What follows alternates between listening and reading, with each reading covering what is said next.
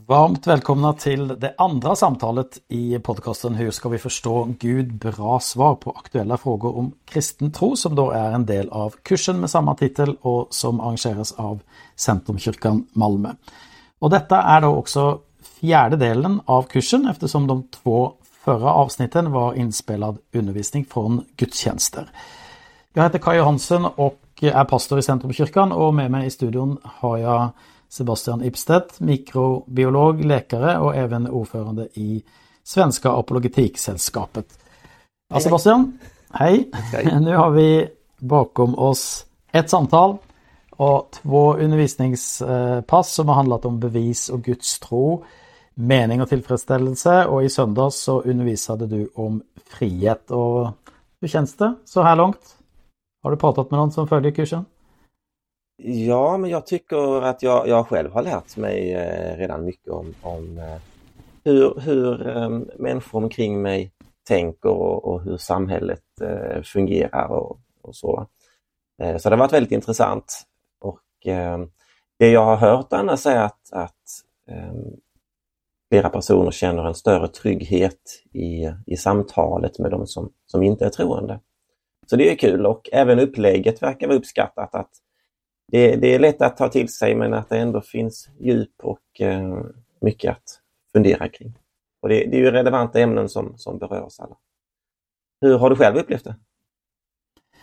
Nej men lite, eh, absolut lite samma. Jag, jag är faktiskt ganska positivt överraskad skulle jag säga över responsen. Det, det verkar liksom som att det finns ett, ett sug efter den här typen av undervisning och, och samtal. Eh, och jag tänker kanske att många inte har reflekterat över det här med att Sverige är världens mest sekulära land som man då säger och, mm. och liksom har jämfört det med, den, den livs, eh, med sin egen kristna tro. Eh, den här livsåskådningen som kallas sekulär eller ateism eller mm. humanism. Så det, det, är roligt att den här kursen kan, kan hjälpa till med just det. Just det. Mm. Och idag så har vi alltså kommit då till ett mycket aktuellt tema ska jag säga, eh, nämligen identitet. Eh, och det är aktuellt därför att det präglar samhällsdebatten i eh, till exempel frågor kring kön och sexualitet. Sen är det en stor fråga eh, hos den unga generationen. Vem är jag? Eh, hur skapar jag min egen identitet? Det är ju frågor som många brottas med nu. Eh, och sen så är det också aktuellt därför att det är en mycket personlig fråga som ju såklart berör oss alla. Och du är ju genetiker så jag tänkte faktiskt när man har möjligheten att fråga en genetiker.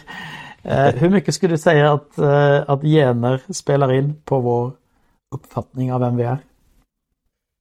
Ja men det, det är, ju, det är ju en väldigt intressant fråga. Jag, jag träffar ju eh, personer med olika ärftliga sjukdomar och då är det ju ganska lätt att identifiera sig med, med sina gener så att de blir, blir väldigt viktiga för självuppfattningen. Och det är klart att genetiken spelar en stor roll i vår, vår självuppfattning. Den, den styr vårt utseende och vårt, vårt temperament och hur kroppen och hjärnan fungerar. Och även vårt arv och vårt, vårt släktskap, vår etnicitet så att säga, det, det är också genetiskt. Va?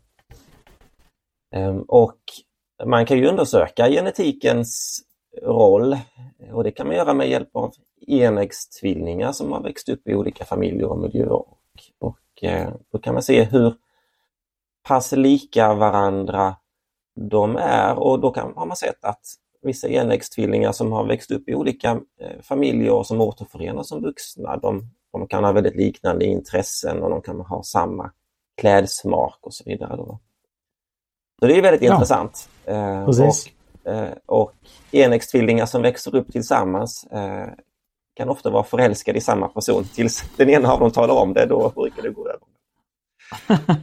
men, men, men samtidigt så, så, vet vi att genetiken är ju inte allt utan vi, vi påverkas också av vår omgivning, av vår, vår familj, vårt samhälle och så vidare. Va?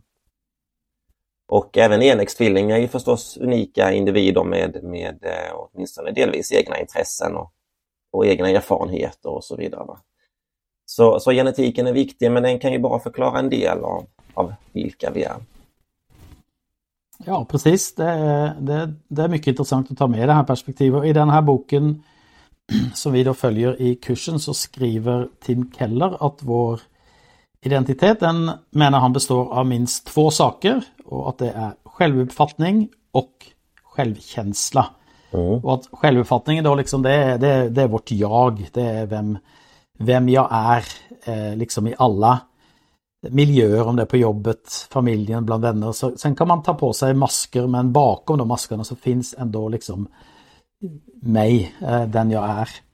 Det. Um, och det andra det uh, är självkänsla som sagt och den, den skiljer sig från självuppfattningen genom att den handlar mer om att känna oss betydelsefulla och värdefulla.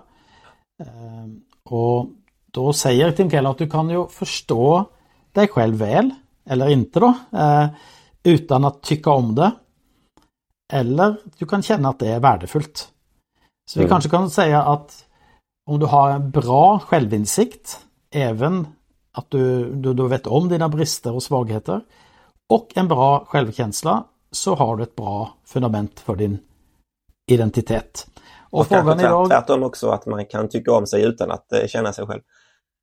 Ja precis, precis. Men, men, uh, men om du inte känner dig själv då kanske du, du kommer få, alltså det, det är ju en del av identiteten att lära känna sig själv mm, mm, mm, bättre och bättre. Eh, och, och, frågan idag är eh, hur bildas då den här identiteten? Och här eh, skiljer ju Keller på det moderna och det traditionella sättet som identitet bildas och det har du tittat närmare på. Ja men, ja men, precis och det tyckte jag var, var intressant. Ehm, det, det, traditionella synsättet som man kallar det, om det nu är den bästa termen kan man ju fundera kring då. Va? Det, det, det här traditionella synsättet det fanns i antiken och var vanligt då men även idag så är det vanligt i, i många icke-västerländska kulturer så att säga. Och eh, enligt det här traditionella synsättet så eh, är omgivningen och sociala roller väldigt viktiga. Men, men även relationen till den, den andliga verkligheten. Så självuppfattningen och självkänslan är då kopplad till vilka roller vi har i familjen, i samhället, i klanen och, och eh, vårt, vårt förhållande till, till Gud. Eh, så på frågan då, vem är du? Så skulle man svara, jag är son till han där eller jag tillhör den här stammen. Så identiteten hänger samman kan man säga med att ge upp sina egna önskningar och uppfylla sina plikter gentemot familjen, samhället och Gud. Precis, och, och såklart så finns ju det i vårt samhälle också, i det moderna, att man liksom identifierar sig med sådana saker. Men, men det har mm. ändrat sig ganska mycket. Mm. Eh, och hur ska man då definiera det moderna? Det moderna synsättet bygger mer på en individualism kan man säga. Så att man anser inte att vårt, vårt sanna jag kan komma till uttryck genom kontakt med familjen eller i sam, eller samhället, va? utan istället måste vi vända oss inåt istället för utåt. Och vi måste frigöra oss från våra gemenskaper och våra religiösa sammanhang och samhällets förväntningar. Och eh, vi måste själva bestämma vilka vi är, ingen annan kan göra det åt oss. Det, det är det moderna synsättet. Ja, och om man då drar de här till sin spets så är det väldigt olika. Eh, olika sätt att tänka identitet. Så om vi ska förstå det lite bättre eh, så kanske det kan hjälpa med några, några exempel. Ja, Tim Keller ger några exempel från litteraturen då, framförallt hur olika hjältar beskrivs. Och i traditionella kulturer så handlar hjältarna självuppoffrande, de ger sitt liv för någonting större. Och identiteten hänger samman med, med hedern och, och eh, hjältarnas gärningar i, i samhället.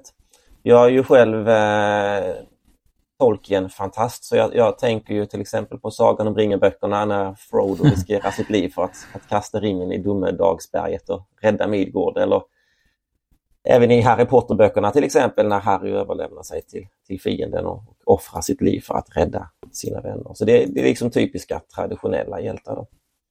Precis, och de tycker vi om. De tycker vi om, ja. Det gör vi. Ja. Eh, de, de, de, moderna hjältarna eh, de, de ägnar sig mer åt självhävdelse kan vi säga då, att, att uppfylla sina egna drömmar och önskningar. Och eh, när jag pratade om, om frihet så nämnde jag ett exempel som även Tim Keller tar upp då och det är ju eh, den här Disney-karaktären Elsa i eh, Frostfilmen som, som sjunger då, om jag citerar, Nu ska vi se hur användbar den är, den kraften som jag har. Rätt eller fel bestämmer jag. Jag är fri. Min kraft flödar genom luft och mark. Jag lämnar allt som var förkastar direktiv. Slutcitat. Eh, så eh, källan till vår identitet eh, hos moderna hjältar då finns, finns inom oss själva och vi måste bryta med omgivningen och familjen och Gud och, och alla, alla auktoriteter. Så Tim Kellers poäng är att båda de här synsätten har, har stora problem. Även det traditionella synsättet är ju problematiskt. Och istället ger, ger kristendomen ett svar på vår, vår identitet och eh, det finns flera fördelar med det kristna synsättet. Um, men jag tänkte Kaj att, att vi kan väl säga en, några positiva saker om det moderna identitetsskapandet i vårt samhälle, för det finns ju ändå några sådana som, som är viktigt att lyfta fram. Precis, vi vill ju jämföra i den här eh, kursen eh, och eh, då är det också viktigt att titta på positiva saker med kanske det man inte traditionellt håller med. Och Det är klart att det gamla traditionella synsättet som du kallar det gjorde att många människor har varit instängda i vissa roller som det var förväntat att man skulle hålla sig till hela livet. Och man var född i en bondefamilj så skulle man vara en fattig bonde hela livet. Då var det liksom det din identitet. Och Keller han tar faktiskt eh, ett exempel med sin egen morfar som föddes i Italien 1880 tror jag det var och som fick eh, veta av sin pappa som var krukmakare att det finns eh, tre saker du kan bli. Antingen präst, militär eller krukmakare. Mm. Vad hade du valt Sebastian? Jag hade nog valt präst. Ja men det hade, hade jag också. Du också? Ja. ja, jag, vill inte, jag är inte bra på militär och inte bra på kruk. Ja. Men eh, eh, när han frågade eh, varför så fick han som svar att hans familj tillverkade krukor och det var det de gjorde. Men faktiskt mm. så valde den här morfaren att inte bli krukmakare och emigrerade heller till Amerika. Och på ett sätt kan vi säga att hans val ledde bland annat till denna podden. Mm, Vi tänker så. Eh, men, men tyvärr så måste ju kyrkan ta en del av skulden för att det gamla synsättet har fått begränsa många människor. Och orsaken är ju inte undervisningen om vi läser Bibeln men att man har bortsett från sin egen undervisning, kanske på grund av makten som kyrkan fick. Om att alla är skapade till Guds avbild och vikten av rättvisa för de fattiga till exempel. Så därför så tycker jag att vi bör ära den som äras bör när vi ser hur sekulära tänkare var med på att ändra det här synsättet på identitet. Mm. Och det tycker jag är något av det positiva som då den här moderna individualismen har åstadkommit och som är viktigt att lyfta fram. Just det, precis. Um, och det är bra att göra det då innan vi tittar på det, det problematiska med hur identitet skapas i, i vårt moderna samhälle. Eh, och mm. Tim Keller lyfter ju fram eh, fyra olika problem som, som jag tänkte att vi kan gå igenom lite snabbt innan vi jämför med den kristna tron. Precis. Och Det första problemet är att den moderna identiteten är motsägelsefull.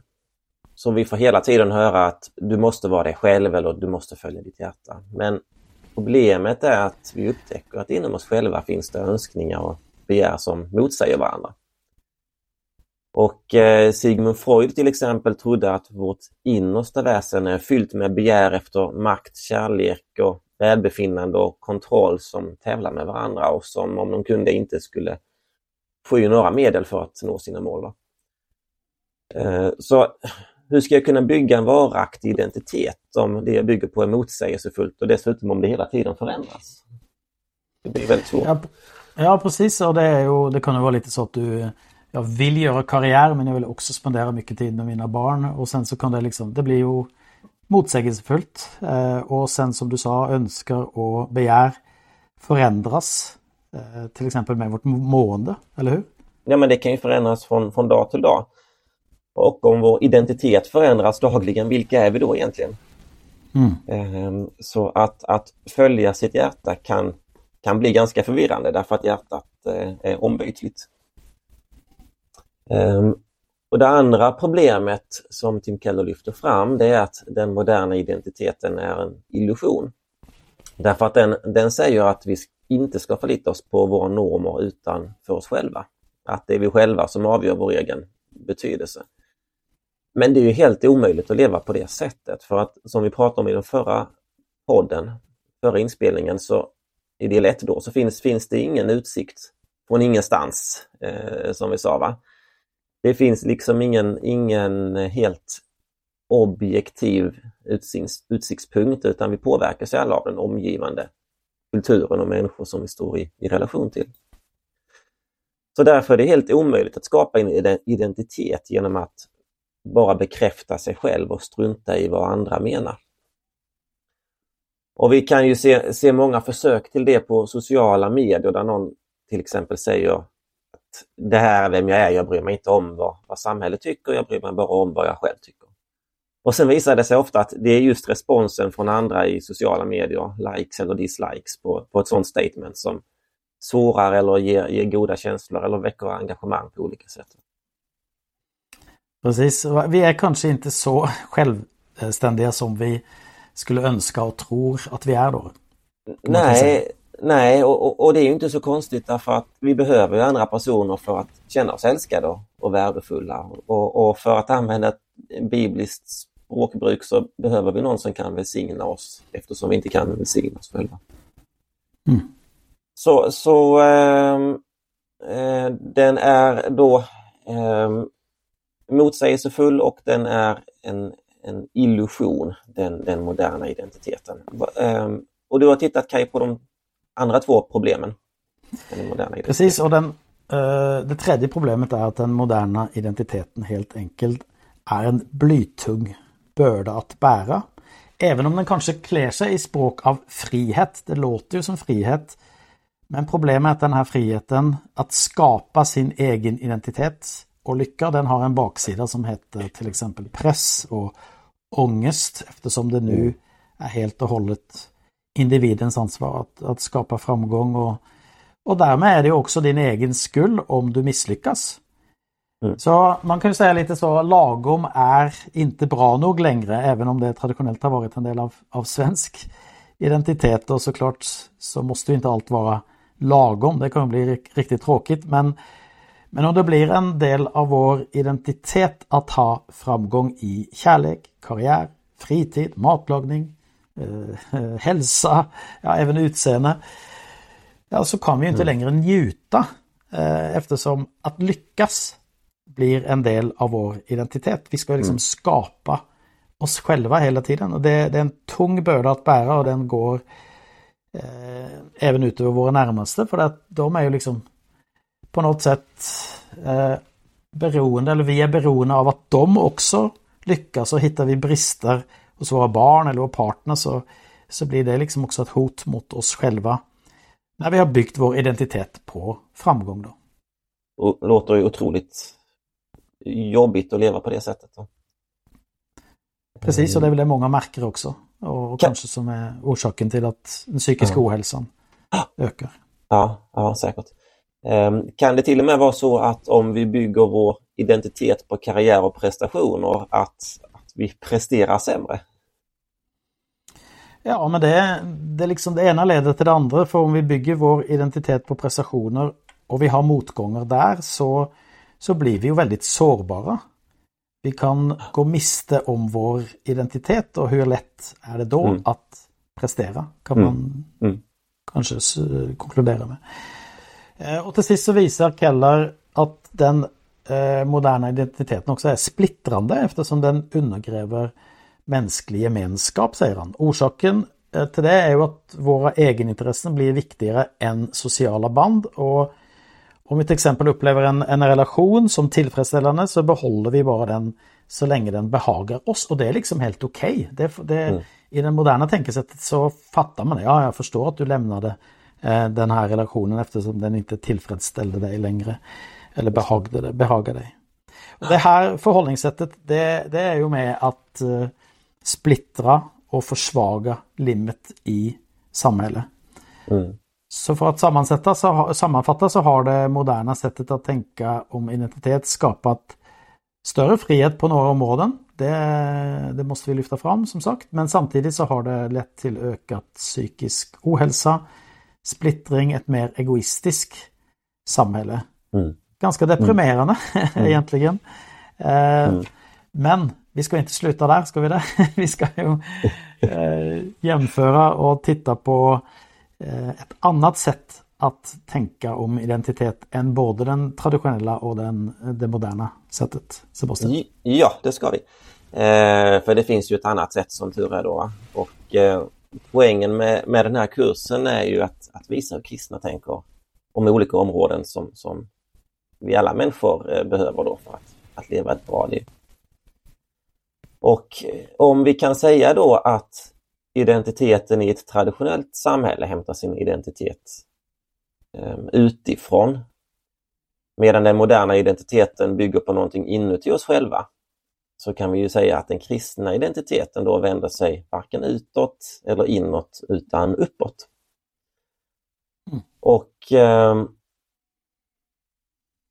Ehm, den traditionella synen då vänder sig utåt och kopplar sin identitet till, till plikt och, och sin roll i samhället och den moderna synen blir, vänder sig inåt och måste förlita sig på egna förmågor och även värdera dem i, i relation till sociala trender som kan växla dag för dag. Men det kristna synsättet vänder sig istället då uppåt till, till en Gud som har skapat oss eh, till hans avbild och som har gett oss en, en personlig kallelse och, och uppgifter. Så det avgörande för min identitet blir inte vad, vad samhället tänker om mig eller ens vad jag tänker om mig själv utan vad Gud tänker om mig. Och att vända sig uppåt, det kan vara väldigt befriande för vi behöver inte längre förlita oss på vare sig framgång eller prestation eller vad, vad omgivningen säger åt oss att, att vi ska göra. Och som vi sa så måste vår identitet komma från någon som bekräftar oss, från någon som, som vi högaktar och, och ser upp till. Ehm, men samtidigt så kan det vara förödande att, att lägga vår identitet och vårt, vårt jag i händerna på en ofullkomlig, ombytlig och, och dödlig människa. Ehm, utan det är bara en fullkomlig Gud som har vad som krävs för att ge oss en identitet. Det är det, är det kristna synsättet. Precis, jag, jag tänker på eh, Paulus. Eh, han skriver ju något om, om detta eh, i Första Korinthierbrevet 4. Eh, så säger han eh, någonting som är lite häpnadsväckande. Det är mig likgiltigt, säger han, om ni eller någon mänsklig domstol dömer mig. Inte heller dömer jag mig själv. Mitt samvete är rent, men det betyder inte att jag är frikänd. Den som dömer mig är Herren. Och det är ju lite det du precis eh, berättade om. Ja, men precis. Så Paulus, han struntar blankt i vad samhället tycker om honom. Men han, det intressanta är att han struntar också i vad han tycker om sig själv.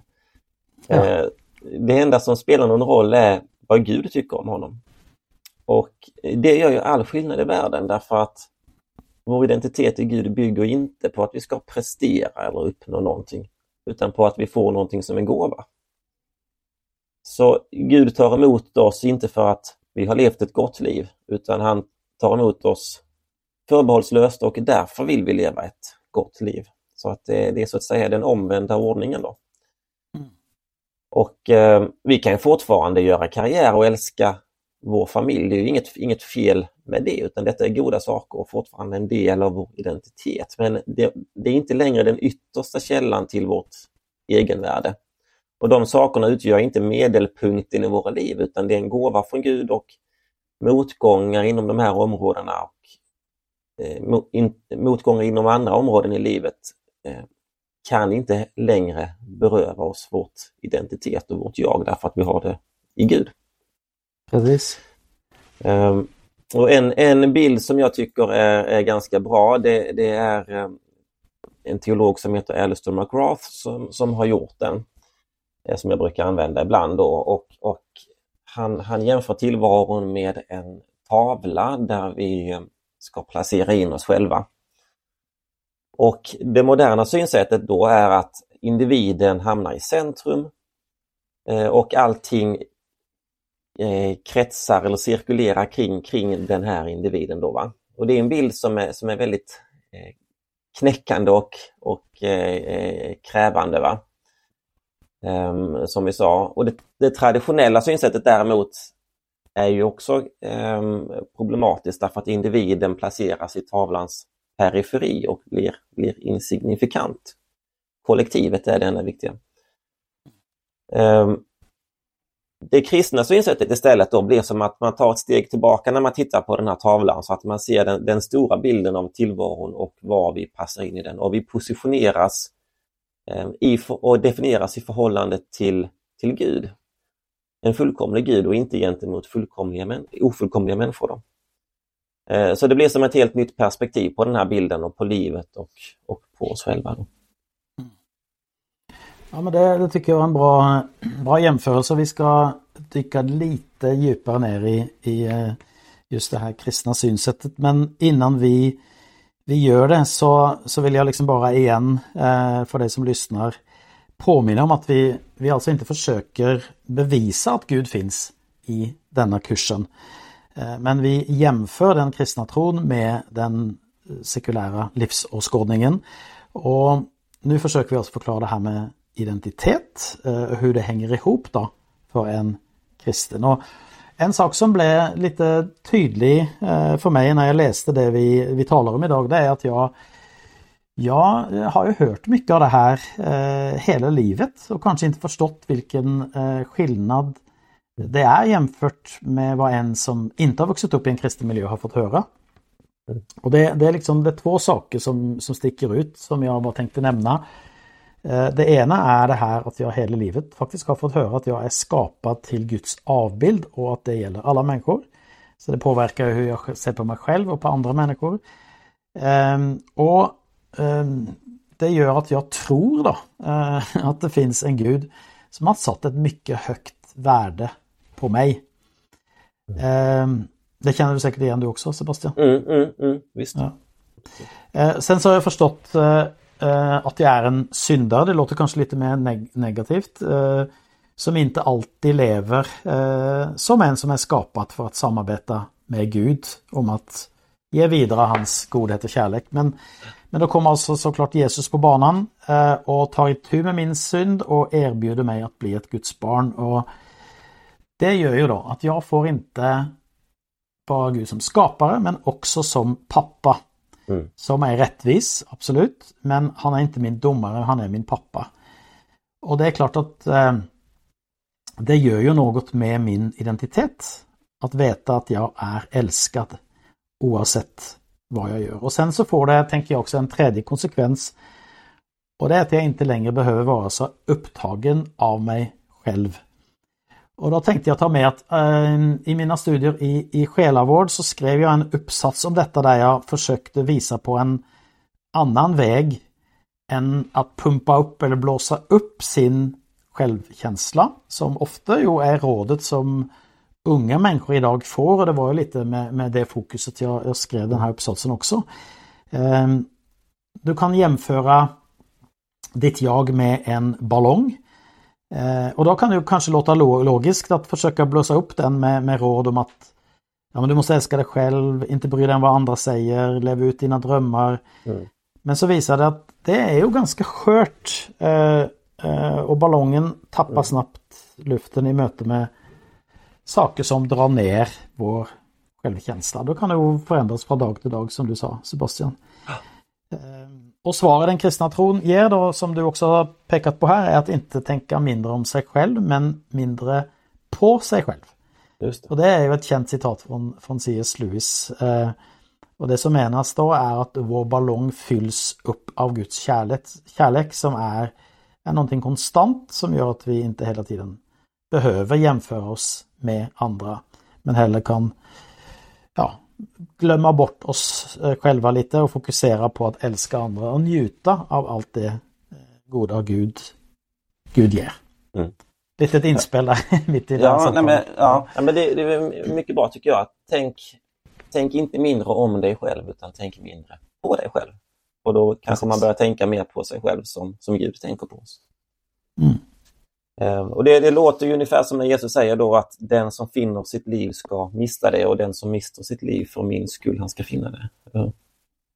Ja, det, det, är ju ett, det är ett mycket djup i det citatet och det, eh, det är ju så en, en, en, kristen tro tänker att när vi finner vår identitet i Kristus eh, så finner vi faktiskt vårt sanna jag, eh, de vi är mm. skapade till att mm. vara. Det betyder såklart inte att man som, som eh, kristen är opåverkad av vad andra tycker om dig. Eh, men det finns alltså en annan lösning än att rikta sig som du sa, utåt eller inåt. Och det är att rikta sig uppåt för att igen fyllas, om man kan säga så. Tänka på dessa sanningar som vi, eh, om att vi är skapade till Guds avbild och att vi, vi genom tron på Jesus är Guds barn. Mm. Precis. Eh, och det är ju också svaret på det vi började med att, att titta på, nämligen att vår identitet består av självuppfattning och självkänsla. Så om din självkänsla är att du är skapad av Gud och din, din självuppfattning är att du är skapad av Gud och din självkänsla bygger på hans kärlek så, så har du en identitet som inte kommer att knäcka dig och där du inte behöver jämföra dig med andra hela tiden. Eh, och det kanske kan vara en bra plats att avsluta dagens podd, Kai. Tycker du det? Tycker vi ska köra på det här var jätte... Nej, det låter, det låter som en bra plats att, eh, att avsluta även om det såklart finns väldigt mycket mer att säga eh, om det här och vi har försökt beröra liksom kärnan identitet. Eh, alla de här samhällsfrågorna som jag tog upp i början kommer inte vi diskutera nu men det hänger ihop. Därför att eh, jag tror att eh, allt, alla frågor kring identitet behöver börja här i det vi har pratat om. Och först på något sätt lösa Eh, grundproblemet eller utmaningen. Mm. Eh, men man kan ju läsa mer i boken om man, om man har den. Alltså eh, den här Hur ska vi förstå Gud som mm. den heter på svenska av Timothy Keller. Och han berör också det här i, i sin poddserie Questioning Christianity. Där mm. finns det ett avsnitt om identitet. Mm. Och där möter jag nu sekulära New Yorker och svarar på många av de här frågorna som vi fokuserar på mm. i denna kursen. Mm. Men ska vi bara säga att vi hoppas att eh, det nu blir bra samtal eh, för de som är med i samtalsgrupper och sen så är du eh, som, väl, som lyssnar och bor i Malmö med omnejd välkommen nästa söndag i Centrumkyrkan Malmö klockan 11. Det blir alltså 26 mars. Och då Sebastian, då är det en ny brännande fråga. Just det. Då, då är det moral vi ska ja, titta på. Ja, det är spännande. Ja. Tack för att du lyssnade och vill du dela den här podden med andra så är vi såklart jättetacksamma för det. Ja, tack för idag.